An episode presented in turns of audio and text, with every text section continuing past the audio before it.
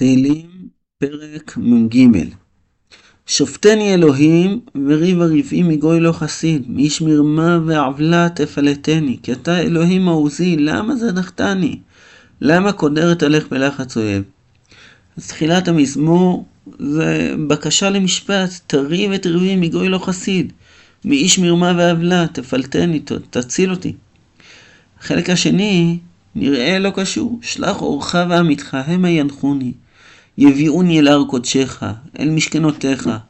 אבוא אל מזבח אלוהים, אל אל שמחת גילי, ועודך בכינור אלוהים אלוהי.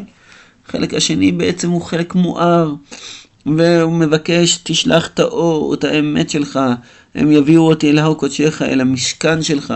אני אבוא אל המזבח, אל המקור של השמחה שלי, ואני אודה אותך בכינור אלוהים אלוהי. והסיום, מה תשתוכחי נפשי ומה תהמי עליי, אוכילי לאלוהים. כי עוד עודנו ישועות פניי ואלוהי.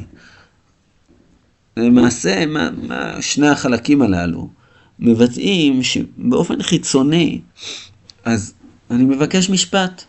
המשורר מבקש משפט, שופטני אלוהים, תריב את ריבי, מגוי לא חזי, איש מרמה ועוולה, תציל אותי. אבל המקור הפנימי שבו הוא נמצא, מה שהוא מבקש, תשלח את האור, הם יביא, יביאו אותי, ינחו אותי, יביאו אותי אל הר הקודש ואל המשכנות.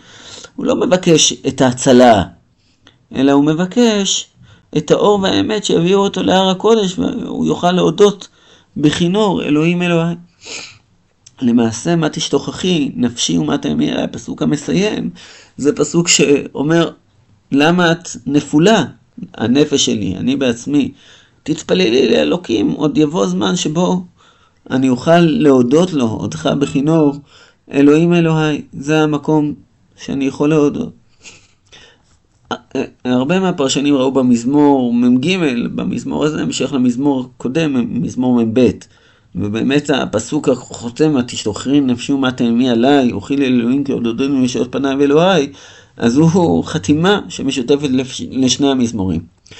אבל מה שנראה יותר, שכאן, במזמור מ"ג, זה מזמור שעוד נאמר לפני שהיה בית מקדש קיים על מכונו.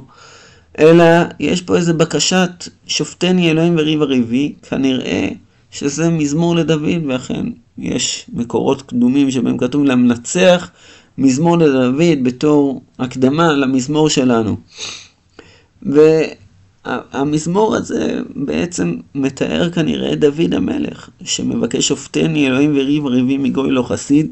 הוא דיבר על משפט שהוא מבקש מהקדוש ברוך הוא שישפוט אותו ויציל אותו מהלחץ אויב, מה... ויהי שאול אויב ודוד כל הימים מהמרדף הזה. אבל הבקשה שלו זה לא להינצל מהאויב, זה לא הבקשה. אלא הבקשה הוא שלח אורך ועמיתך המה ינחוני, זה מה שהוא רוצה. הוא רוצה לבוא אל מזבח אלוהים, אל אל שמחת גילי, להודות להשם. זה הרצון, זו התפילה שלו.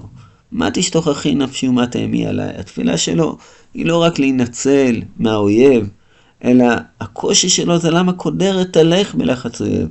אני רוצה אור, אני רוצה אמת, שהם ינחו אותי ויביאוני להר קודשך.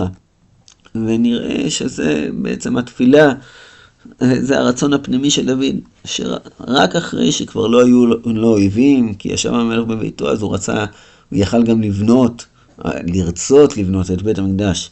אבל עכשיו, בשלב הזה, דוד לא מבטא אפילו את הרצון לבנות את בית המקדש, אלא רק לבוא להר, להר הקודש, לבוא למקום הזה שהוא משכן השכינה, ולראות פה את מקור השמחה שלו.